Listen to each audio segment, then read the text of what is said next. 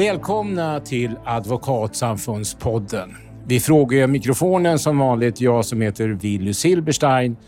Uppkopplad ute i världen finns Gudmund Bernitz i London. Jag säger också välkommen till Jonas Nordgren, normalt advokat i spanska Malaga.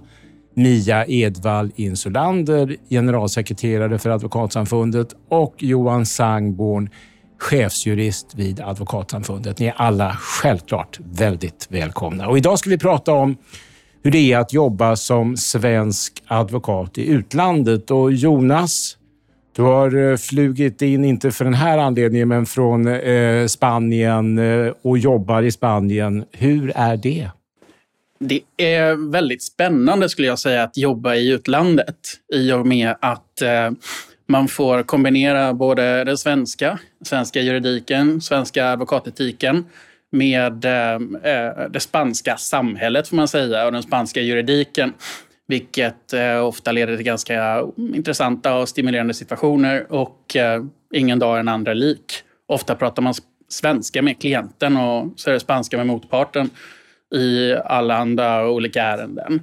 Och om du skulle peka ut en anledning, det var därför jag drog till Spanien, vad skulle det vara?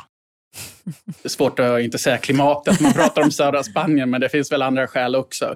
Men det är mycket väder vi pratar om här. Ja, det blir väl det. Det är helt okej. Det är vädret, vädret till stor del. Men det, det, är väl, det är stimulerande just att ha två olika um, länder och, um, som man lever i samtidigt på något sätt. Det är nog det som är det som fascinerar mig. Jag har alltid trivts i Spanien. Ja. Gudmund i London, vädret är inte så lockande så det är inte därför gissar jag, men jag kanske har fel. Du kanske älskar regn? Ja, det är ganska jämnt väder kan man säga, så att man, man vet vad man får. Hur är det att jobba i London, Gudmund? Det är, det är väldigt kul. Det är en stor stad och mycket som händer och eh, många olika typer av, av spännande ärenden. Så att eh, det är alltid något nytt kul på gång. Va, om du skulle hitta en av de främsta förklaringarna till att du drog till London, vad skulle det vara? Ehm, jag drog eh, till, eller kom till Storbritannien redan på, ehm, på studietiden så att jag, jag har varit här ganska länge.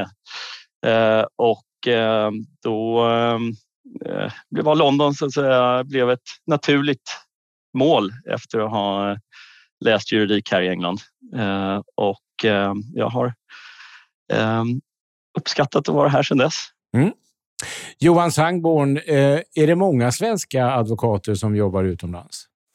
Eh, det är idag ungefär dryga 90-talet svenska advokater som är verksamma utomlands eh, och en tredjedel av dem eh, är verksamma utanför EU. Så det är förhållandevis en begränsad skara advokater sett till kåren som, som helhet. Så det lär väl röra sig om kanske en och en halv procent advokater som är verksamma utomlands då. Det var inte så mycket. Nej, det är inte det. Sen eh, har vi ett 20-tal biträdande jurister då som inte har blivit advokater än, som också är verksamma mm. utomlands. Mia, tror att det här kommer att öka. Jag tror att fler kommer att lämna Sverige för att jobba som advokat i omvärlden. Man kan tro det kanske. Jag är inte så säker. Det beror väl lite grann på också vad det finns för förutsättningar att göra det. Man vet ju att många unga jurister vill gärna jobba internationellt, absolut. Men så ska man ha möjligheter till det också, både när det gäller utbildning och examen och familjeliv och språkkunskaper framförallt blir ju uppenbart att man måste behärska minst två språk bra om man ska arbeta utomlands. Du är ju själv eh, advokat Mia. Har du någon gång funderat på att dra? ja, jag funderar på att dra många gånger. okay. Men eh, kanske inte som advokat. Eh, just därför att, att det är ju ändå relativt komplicerat att då arbeta med eh, ett annat rättssystem och ett annat lands lagar också. Så jag blev väldigt imponerad både av Jonas och Gudmund. Så det, ju, det, det, blir ju ytterligare verkligen dimensioner på både språk och kunskap som, som gör det mycket svårare generellt sett, skulle jag vilja säga, än att bara arbeta i Sverige. Gudmund, måste du kunna brittisk lag i stort sett lika bra som svensk lag? Eh, ja, det stämmer. Jag är, jag är även eh, engelsk solicitor så att jag sitter på båda stolarna. Är det, Jonas, tror du, bör man ha det så att om man åker till ett annat land, då ska man kunna både, både det svenska och det land man åker till, dess rättssystem? Absolut. Jag skulle säga att det, det är nog nödvändigt för att kunna arbeta på ett bra sätt och vara effektiv i sin rådgivning och biträda till klienterna. Det behövs.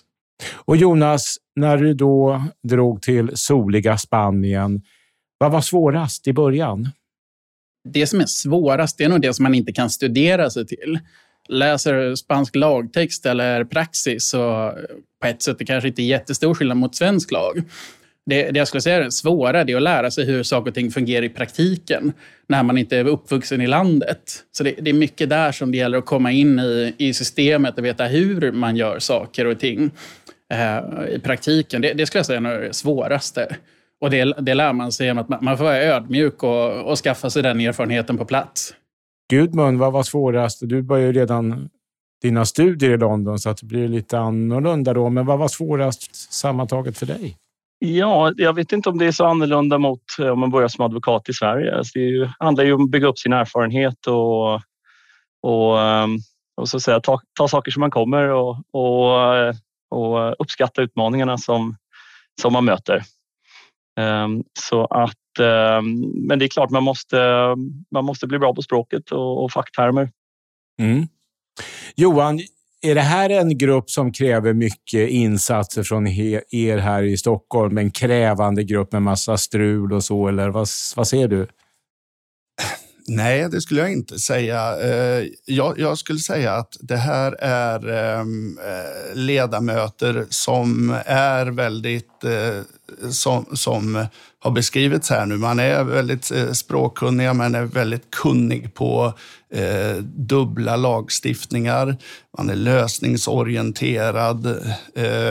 Man är också multietiska på det sättet att man har ju inte bara två lagstiftningar att lära sig och förhålla sig till, utan man har ju också två eh, etiska regelverk. Ehm, de flesta, man ska ju säga att alla eh, svenska advokater som är verksamma utomlands är inte ledamöter i eh, sitt hemlands eh, advokatorganisation, men de flesta är det. Och av det följer ju då att man har att följa eh, både svenska advokatetiska regler och verksamhetslandets etiska regler. Så att eh, jag skulle säga att eh, nu får Mia rätta mig om jag har fel, men det är ju en väldigt liten del av de utlandsverksamma advokaterna som, som eh, vi ser i vårt tillsynssystem.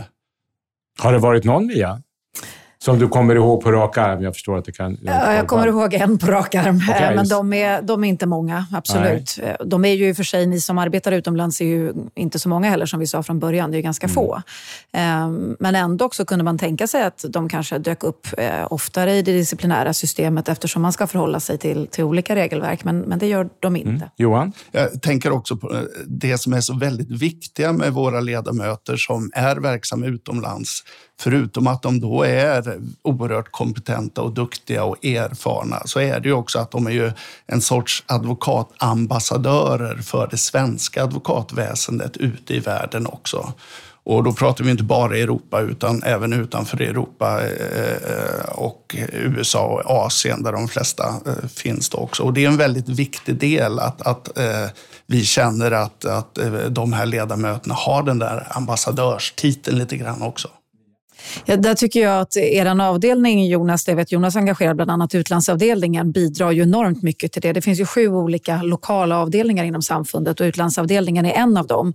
Och ni har ju en väldig utmaning i det att ni har era ledamöter i olika länder och på helt olika ställen. Men är otroligt bra på att liksom fånga upp det och fånga upp alla ledamöters intresse och, och marknadsföra er och, och, komma ut med en, en slags tidning och sådär. Så, så det tycker jag är imponerande faktiskt. Gudmund, vad är, om det nu går att svara på det, den vanliga vanligaste typen av uppdrag du jobbar med? Um, ja, det är nog främst um, uh, inom, uh, inom sjöfartsområdet, transaktioner som uh, för, för rederier och, och, och, kreditinstitut som är verksamma inom, inom eller angränsande till, till sjöfart. Och vad säger du Jonas? Det vanligaste är nog internationell familjerätt, internationell arvsrätt. Är det lätt att göra bra affärer i utlandet för advokater, Jonas? Tjänar du mycket pengar? Nej, det skulle jag inte påstå. Jag tror det är lättare att tjäna bra med pengar i Sverige. Tror det? Jag tror just i, fallet Spanien så är kostnadsläget generellt sett lägre än i Sverige. Vilket givetvis påverkar... Och när du säger kostnadsläge, taxorna är lägre för advokater? Ja, generellt sett. Mm. Exakt. Gudmund, har du det tufft ekonomiskt i London? Um, ja, jag har några som, som, andra advokater som är baserade här så att uh, det är, man, man, man överlever. uh, ja. Är det hård konkurrens, eh, Gudmund? Du är ju svensk advokat i London. Är det många svenska advokater eller har du monopol?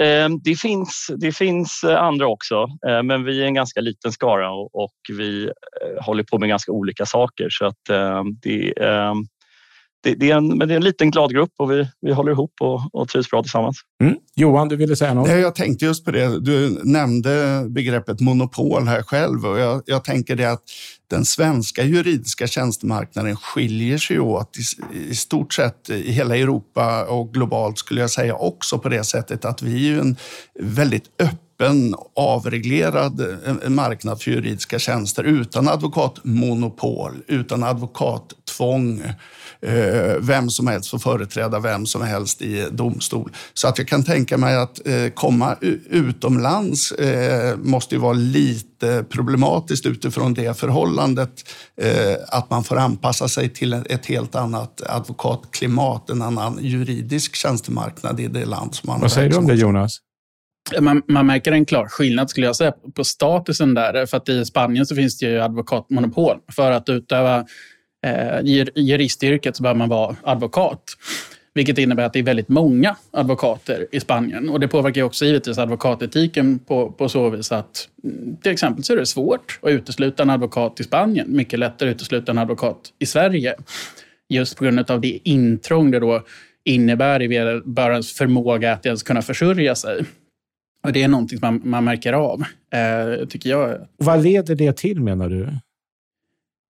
Jag skulle, svårt att säga, man skulle säga att det är, i Sverige kan man hålla väldigt höga krav på advokaterna med advokatetiken. För man, man kan ju själv utöva tillsynen och på det viset också se till så att advokaterna, för att få hålla titeln som advokat, så måste leva upp till väldigt högt ställda krav. Och i praktiken så blir det svårare att ha samma höga krav i Spanien skulle jag säga med tanke på att det är så många som måste rymmas inom advokatorganisationen där. Och det leder till, menar du? Skulle jag säga, en bättre advokatetik i Sverige och en något, ursäkta uttrycket, sämre advokatetik i Spanien. Att de inte är lika strikta med att följa etiken i Spanien, törs du säga det? Ja, eller i vart fall säga att, man, att de regler som man ska följa i Sverige eh, ställer högre krav på dig. Och att de regler som du ska följa i Spanien kanske inte är lika krävande som de svenska, svenska reglerna. Vad tycker du om det? Eh, jag tycker att de svenska reglerna är bra. Eh, jag, det är därför jag fortsatt är svensk advokat. Jag är spansk abogado också. Eh, men jag ser ändå goda skäl till att fortsätta vara advokat. Eh, och Det är viktigt också, inser när eh, för, för, många klienter, för att det, det, finns många abogados i Spanien som är utmärkta jurister och, och eh, biträder sina klienter på ett bra sätt. Men ibland så kan man upptäcka att klienterna från Sverige Eh, de, får inte mm, den rådgivning eller det biträde som hade förväntat sig därför för att de ser titeln advokat och förväntar sig att det är någon som lever upp till, till svensk eh, god advokatsed. Och när de inte gör det så kan ju det givetvis innebära vissa problem för klienterna för att de vet inte vilken tjänst det är de köper. Mm. Mia? Det är så intressant det där som du säger att vi har högre etiska krav i Sverige. För jag tänker i Spanien, eftersom det finns ett monopol, så borde det kanske vara så att man är ännu tuffare med etiken i Spanien för att en spansk klient måste vända sig till en advokat. Eh, och då blir det ännu viktigare på något sätt att den advokaten är etisk. Här i Sverige kan man ju faktiskt då välja att vända sig till en jurist om man tycker att advokaten inte följer advokatetiken. Så det, är lite, det blir mm. lite motsats i det där på något sätt. Gudmund, hur är brittisk advokatetik jämfört med den svenska?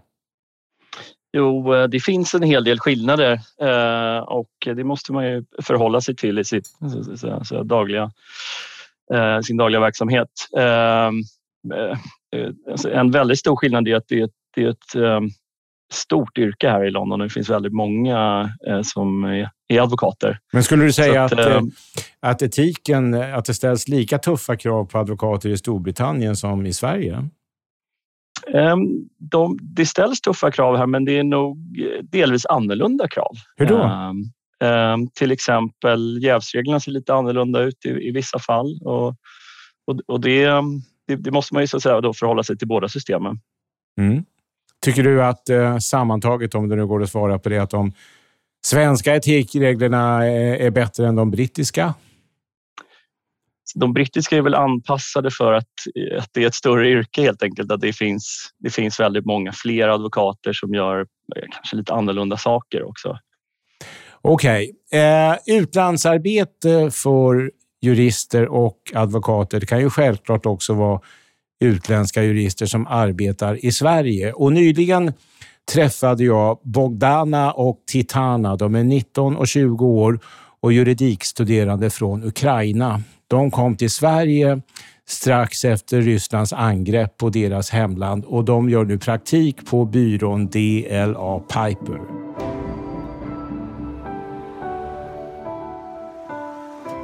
Yes, definitely it was hard decision because I did not want to leave my parents, my mother and grandmother. Både Bodana och Titana berättar att det var svårt att lämna familjen i Ukraina.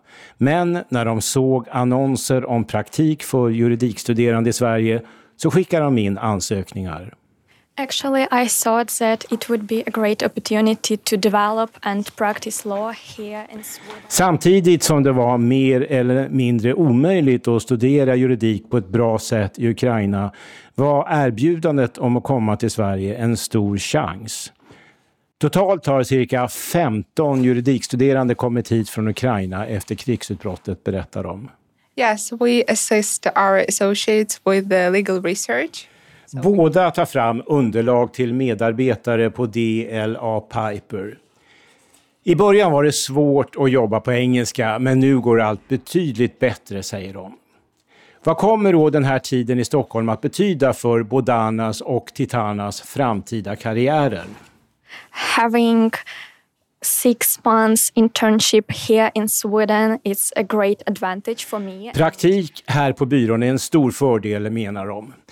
Det ökar möjligheterna till en kommande internationell karriär. Men helst vill de ändå jobba i hemlandet Ukraina om bara situationen där blir bättre. Båda säger att de lär sig väldigt mycket. Bland annat har de fått gå en kurs på Stockholms universitet.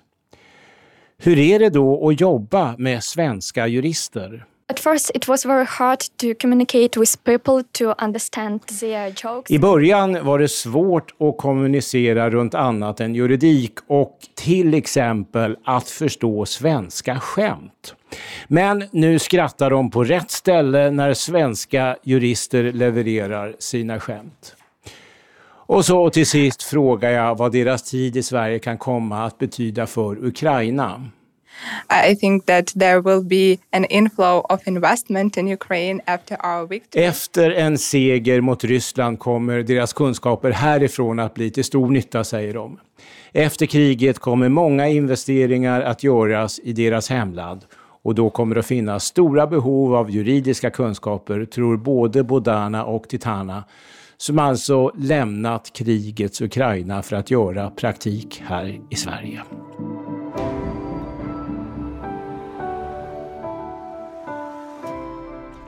Ja, nu har ni hört Bodana och Titana. Vad går genom era huvuden? Framförallt tycker jag att man blir så imponerad av att de faktiskt klarar av att fortsätta sina studier och arbeta trots den fruktansvärda situationen som råder i deras hemland. Jag har träffat dem båda. De har varit hitbjudna till Advokatsamfundet. Eh, de har en, ett enormt driv och energi och jätteimponerad blir man ju. Kan ni eh, göra saker för dem? Ja, vi har gjort det en del. Vi har ordnat föreläsningar och sammankomster och också så att de har haft möjlighet att träffa varandra, så alla de ukrainska studenterna som, som har varit här. Sen har ju advokatbyråerna, inte bara DLA eh, Piper utan även andra byråer, har ju verkligen öppnat upp sina byråer, tagit emot dem, gett dem både husrum och boende och arbete under väldigt långa perioder. Och Det är ju också fantastiskt att byråerna har ställt upp så.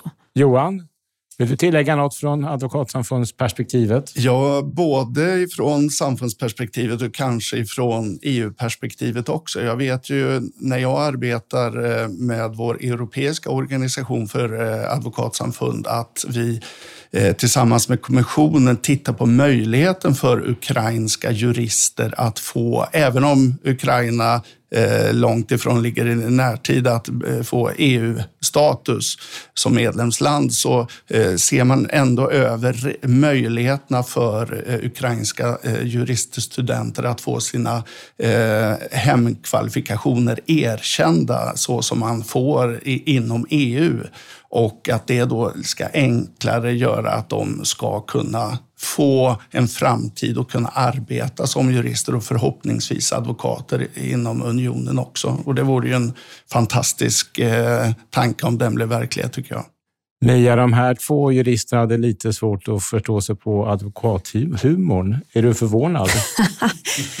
Men det är kanske mer en, eh, en nationell fråga. Jag tänker Jonas, var det svårt att förstå den spanska humorn när du kom dit? Ja. Eller? Ibland så. Ja. Jag tänker att det är liksom en, en nationell, nationell, fråga mer än ja. en advokatfråga, tror jag. Mm. Eh, Om vi nu eh, går tillbaka till svenska advokater verksamma utomlands. Låt oss säga att några av dem som lyssnar nu tänker att ja, man kanske skulle eh, söka sig utomlands. Har ni några råd, Gudmund? Hur ska man tänka om man blir lite tänd på den här möjligheten? Um, För det första skulle jag säga att det är, det är något man ska, eh, så att säga, om man, om man känner sig ta det på allvar. Det är väldigt kul och, och, och eh, någonting som jag skulle uppmuntra. Men um, um, det är ju, eh, jag tror man måste vara beredd på att det tar ett tag innan ens nya verksamhet eh, då når sin fulla potential. Alltså man, man får vara beredd på att vara ganska uthållig. Det är svårt i början helt enkelt att dra in affärer. Det kan vara så innan man, innan man är helt etablerad. Är det svårt ur ur ett kulturellt perspektiv? Eller du var så ung när du åkte så du kanske var lite för integrerad tidigt. Jag vet inte. Ja, jag är väl ganska van eh, som sagt, men eh, det är också folk ska veta att man, att man finns eh, på den platsen man är och man ska också bygga upp kontakter lokalt som, som kan vara användbara för ens svenska klienter. Jonas, om du skulle ge några råd, så bör en svensk advokat tänka om han eller hon funderar på att börja jobba utomlands. Vad ska man tänka på? Jag tycker absolut att om man är intresserad av att göra det så bör man göra det till att börja med. Eh, och man är också jättevälkommen att kontakta oss i utlandsavdelningen av samfundet. Gärna komma på utlandsdagarna och träffa många advokater som är verksamma i utlandet och har tagit det här klivet. Eh, men framför allt så tycker jag att det är viktigt att packa ner ödmjukhet. Man måste vara jätteödmjuk inför det här steget och förstå att eh, det, kommer att ta tid, precis som Gudmund säger, att innan man blir etablerad och, och blir lönsam så kommer det ta tid och man får ha tålamod med sig själv och sin egen verksamhet innan man kommer igång och kommer på plats. Men jag tycker absolut att man, många bör ta chansen. Lära sig språket till att börja med, vara ödmjuk och sen prata med många andra som redan har gjort det. Vi är många som är verksamma i utlandet och som gärna delar med oss av vår, vår erfarenhet. Men det låter på er båda som att det är ett ganska stort risktagande.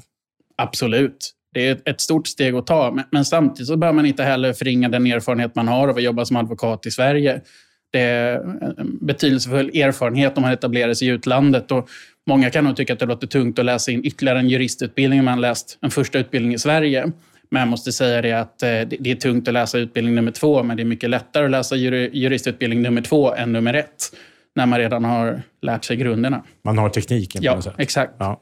Mia? Ja, där måste jag säga att det visar ju eh, fakta att det är fler yngre jurister idag som faktiskt läser två examen. Alltså att det är vanligare idag än för 20 år sedan. Så att jag tror att de yngre idag kanske inte är lika eh, liksom mycket motståndare till att faktiskt skaffa två juristexamen som man var för 20 år sedan. Så där händer det nog ganska mycket. Johan, jag vet inte om du har den kollen, men är det, händer det att eh, svenska advokater åker utomlands, försöker jobba, men det går åt pipan när de kommer hem igen?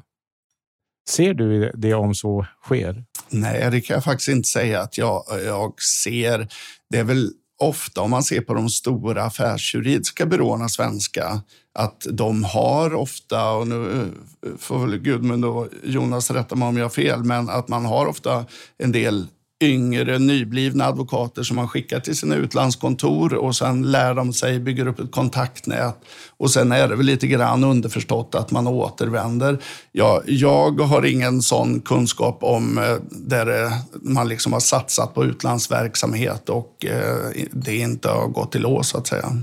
Är det nästan bara Europa och möjligen USA som svenska advokater åker till eller är det ganska spritt ut i världen? Vad är din bild Johan, om du har en sån bild? Ja, men jag skulle väl säga att, att eh, Storbritannien och USA är de absolut vanligaste länderna eh, vid sidan av eh, EU, EES och Schweiz eh, eh, där det då finns ett eh, integrerat samarbete. Eh, sen finns det ju en del i Asien överhuvudtaget också, men, men det är väl jag har inte räknat länderna, men jag kan tänka mig att det är ett 25-tal länder där, där vi har svenska advokater eh, verksamma. Mia, är det här någonting som Advokatsamfundet lägger ner ganska mycket jobb på, att eh, stödja svenska advokater utomlands? Alltså vi, vi gör gärna det, stödjer dem när och om det behövs. Men, men eh, det är väl framförallt eh, utlandsavdelningen som gör det arbetet åt samfundet.